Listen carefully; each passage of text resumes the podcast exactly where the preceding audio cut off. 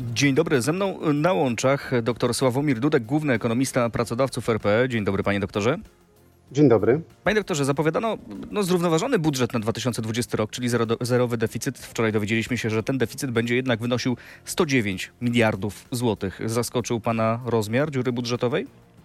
Znaczy, po pierwsze chciałbym powiedzieć, że ten zrównoważony to była taka trochę fikcja i poprzesuwane i przeksięgowane, ale te 109 miliardów mnie zaskoczyło. Powiem szczerze, e, że jest to duży deficyt, biorąc pod uwagę, że wiele wydatków e, i transferów jest realizowanych poza budżetem. A możemy pożegnać się w ogóle ze zrównoważonym budżetem na najbliższe lata, biorąc pod uwagę, że w tym roku to będzie 109 miliardów?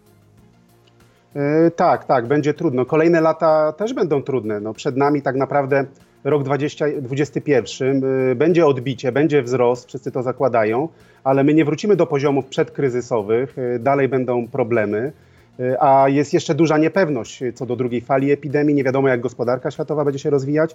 Także z tym deficytem będziemy funkcjonować przez najbliższe kilka lat. A czy spodziewa się pan, że na tych 109 miliardach w tym roku się skończy? Czy ten deficyt, czy ta dziura budżetowa w tym roku może jeszcze rosnąć? Znaczy, po pierwsze chciałbym zaznaczyć, że budżet państwa to jest tylko budżet centralny, to nie jest budżet całego państwa.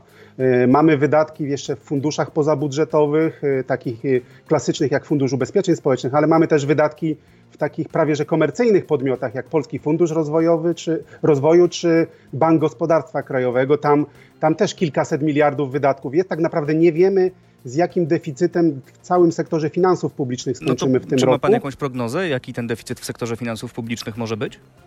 Znaczy, e, on będzie na pewno około 200 miliardów. Pytanie, czy będzie poniżej, czy powyżej. Tak jakby to poskładać w całości. Szkoda, że Ministerstwo Finansów nie przedstawiło tego wyniku. Tak? Wiemy kawałek, jedną trzecią całego sektora, całej reszty nie wiemy. Mogło Ministerstwo Finansów podać ten wynik. Także to będzie około 200 miliardów. Y, do końca jeszcze nie wiemy. Dużo niepewności jest jeszcze w tym roku. Doktor Sławomir Dudek jest cały czas e, naszym gościem, główny ekonomista pracodawców RP. Rozmawiamy w RMF24.pl i w interi.pl.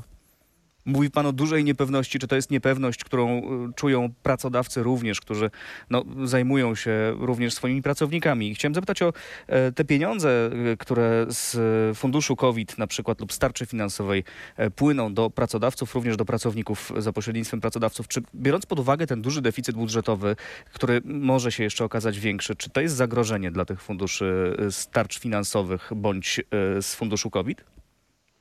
Znaczy w tym roku budżet państwa ma, prefinansuje się, tak? Wiemy, że na rachunkach budżetowych jest 130 miliardów, w tym funduszu covidowym też nie wszystkie środki zostały wy, wydane, także jest, jest bufor bezpieczeństwa, ale to oznacza oczywiście bardzo duży wzrost długu i deficytu. Tarcze w zasadzie się już skończyły, tak? Czekamy raczej jaka, jaki będzie rozwój sytuacji w, przy tym zamrażaniu niektórych powiatów, co z powrotem do szkół. Jest bardzo dużo niepewności, nie ma jakichś nowych instrumentów. I jest też niepewność, jaki jest stan finansów publicznych i jak będziemy to spłacać. Przedsiębiorstwa boją się na przykład e, wzrostu podatków i boją się wzrostu powrotu e, epidemii, drugiej fali epidemii. Także duża niepewność, nie ma inwestycji. Także naprawdę ta sytuacja musi się trochę uspokoić, musi opaść kurz. Na razie to jest tylko efekt otworzenia gospodarki, ale nie wiemy w jakim stanie ta gospodarka jest, jeżeli chodzi o popyt, o, o, o rozwój taki w kolejnych miesiącach i na przełomie tego i przyszłego roku. A co nam mówi taka informacja? Deficyt po lipcu wynosił 16 miliardów złotych.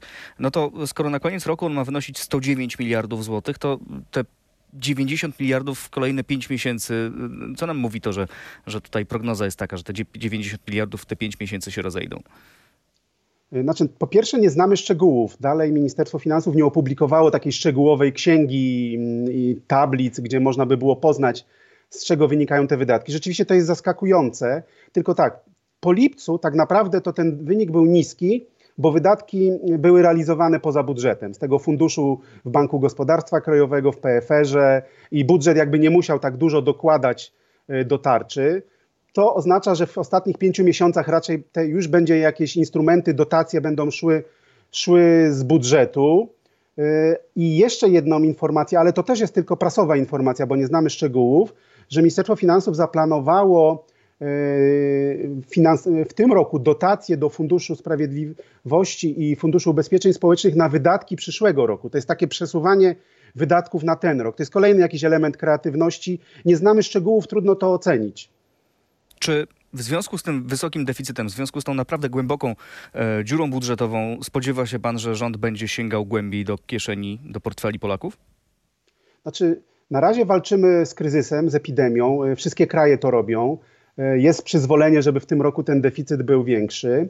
E, w przyszłym roku pewnie też jakoś istotnie deficyty też nie spadną, ale wtedy rynki finansowe zaczną się przyglądać poszczególnym krajom. Wszystkie kraje będą musiały przedstawić jakieś ścieżki wychodzenia z tego deficytu. To nie jest tak, że my możemy utrzymać deficyt 200 miliardów przez kilka następnych lat. Musimy go redukować. Pytanie, jakie tempo, i tutaj można dyskutować z ekonomistami, z rynkami finansowymi, ale na pewno trzeba redukować. Redukować można na dwa sposoby: albo ciąć wydatki, albo zwiększając podatki. Wiemy, że raczej obecna ekipa jest niechętna do redukowania wydatków i to raczej moim zdaniem skończy się jakimś, e, mimo że są zapowiedzi ministra Kosińskiego, że nie będzie wzrostu podatków, ale, ale nie da się konsolidować e, nie zwiększając podatków e, i nie tnąc wydatków. To, to trudna decyzja przed rządem, ale na pewno te decyzje się pojawią. A spodziewa się pan, w których obszarach podatki mogłyby wzrosnąć w tym momencie? Kto e, mógłby najbardziej poczuć te poszukiwanie pieniędzy przez rząd?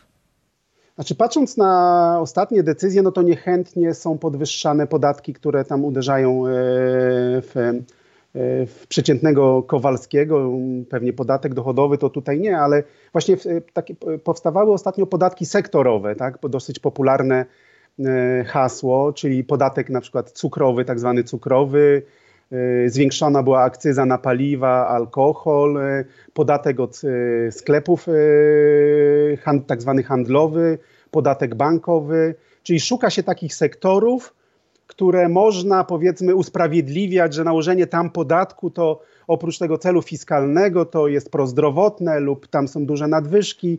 To jest, tak przypuszczam, że może to pójść w, takie jakieś kolejne podatki sektorowe, nie wiem, od, y, od jakichś y, plastiku, od opakowań, no różne, różne no ale koniec końców i tak wszyscy zapłacimy więcej, bo, bo, bo nawet jeżeli e, producenci bądź sklepy zostaną obciążone podatkami, no to będą przerzucać koszty na klientów, tak? No tak, a też y, w Polsce mamy dużo mikrofirm, rodzinnych firm, to też są gospodarstwa domowe, tak? One też się utrzymują z dochodów osiąganych z działalności gospodarczej. Nałożenie podatków też to nie jest tylko firma, za tym się kryje rodzina, pracownicy, a ostatecznie rzeczywiście to się przekłada w cenach. Widzimy, że w Polsce inflacja jest jedną z najwyższych y, w Unii Europejskiej.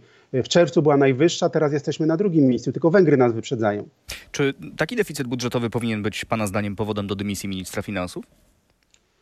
Znaczy ten deficyt no, jest wynikiem e, oczywiście tej epidemii i kryzysu. Podobne deficyty są w innych krajach.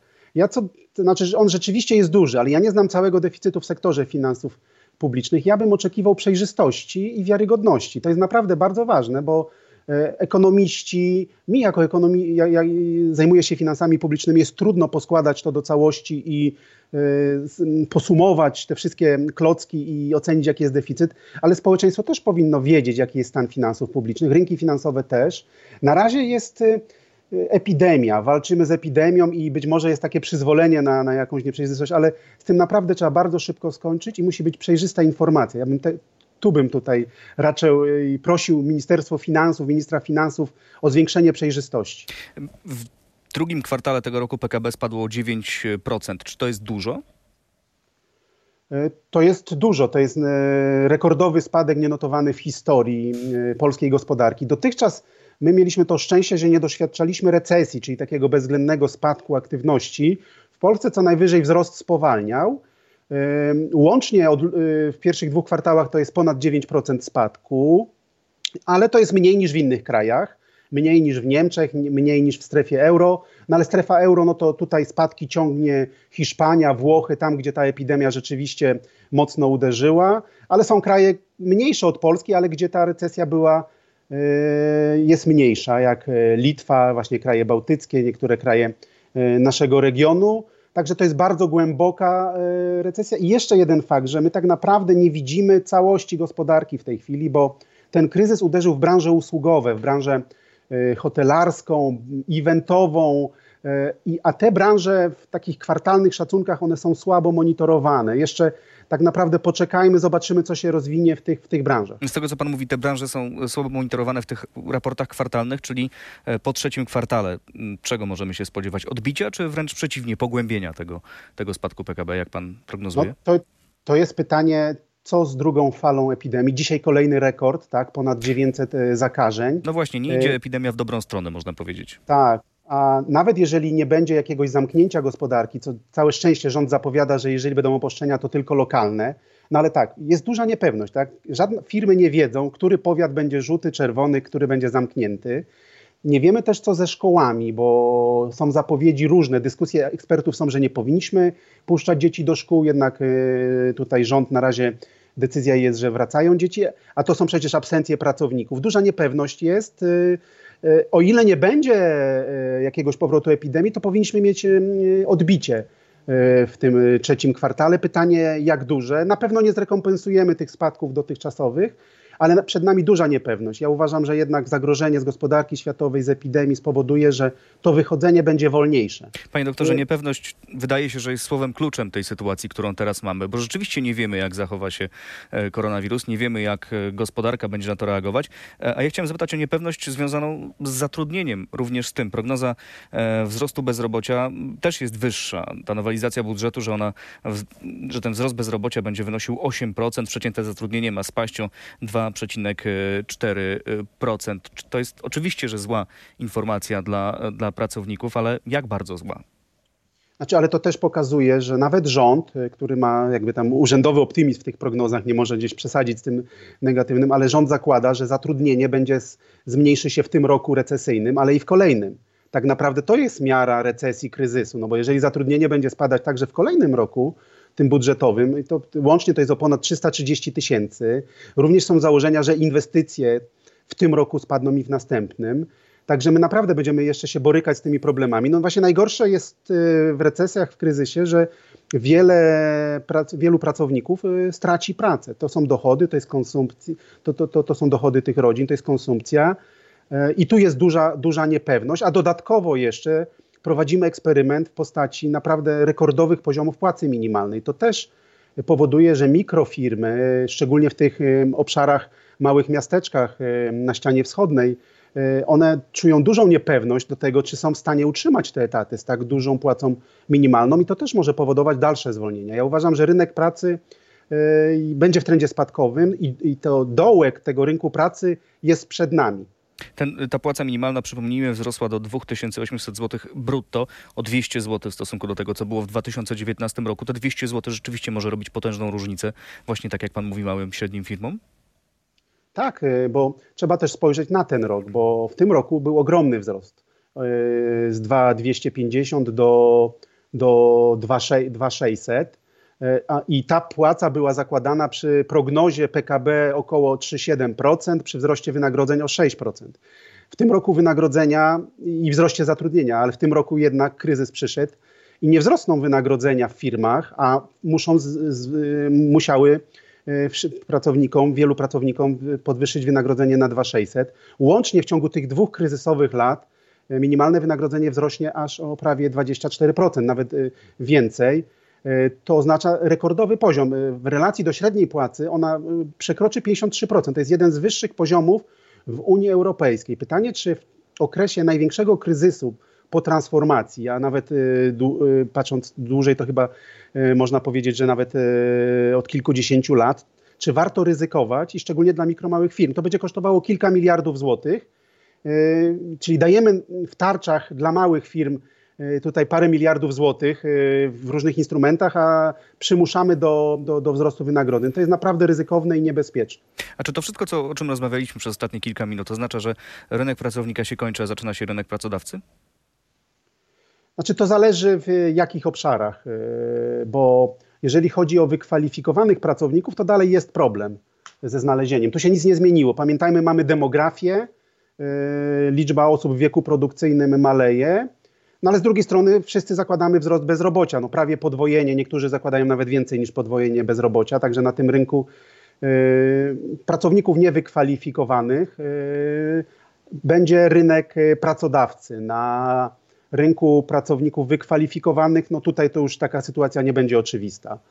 Panie doktorze, przed naszą rozmową słyszeliśmy w faktach RMFFM informację o tym, że e, rośnie sprzedaż. GUS podał dane o sprzedaży. Czy to pana zaskoczyło, że, że, że więcej ludzi chętniej kupuje? Y, Tak, znaczy dane y, o przemyśle, y, o sprzedaży detalicznej są zaskoczeniem, ale to jest tylko efekt odmrożenia. Tak? Zresztą w komentarzu było mówione, że to, jest, to są odroczone wydatki, których nie zrobiliśmy wcześniej. Jeżeli chodzi o przemysł, no to to jest przemysł motoryzacyjny, zależny od Niemiec i od żywienia, ożywienia za granicą. Ale tak naprawdę teraz się odbiliśmy od dna, dalej jesteśmy nieco poniżej, nie wyszliśmy na powierzchnię ale mamy dużo ciężarków, które ciągną nas trochę nisko. Tak? I pytanie, czy nasza gospodarka po tym zatrzymaniu y, obiegu po, y, i przy tej niepewności jest w stanie jednak wyjść na dno. Ja uważam, że będziemy rosnąć, ale powoli. Y, dopiero w przyszłym y, roku y, odrobimy, powrócimy, mm, znaczy przyszłym, w 20, 2022 wrócimy do poziomów przedkryzysowych. Y, bo teraz jest niepewność, dalej nieodbudowana konsumpcja, no i branże usługowe, one nie wszystkie ruszyły. Doktor Sławomir Dudek, główny ekonomista pracodawców RP, był moim państwa gościem. Dziękuję bardzo, panie doktorze. Dziękuję bardzo.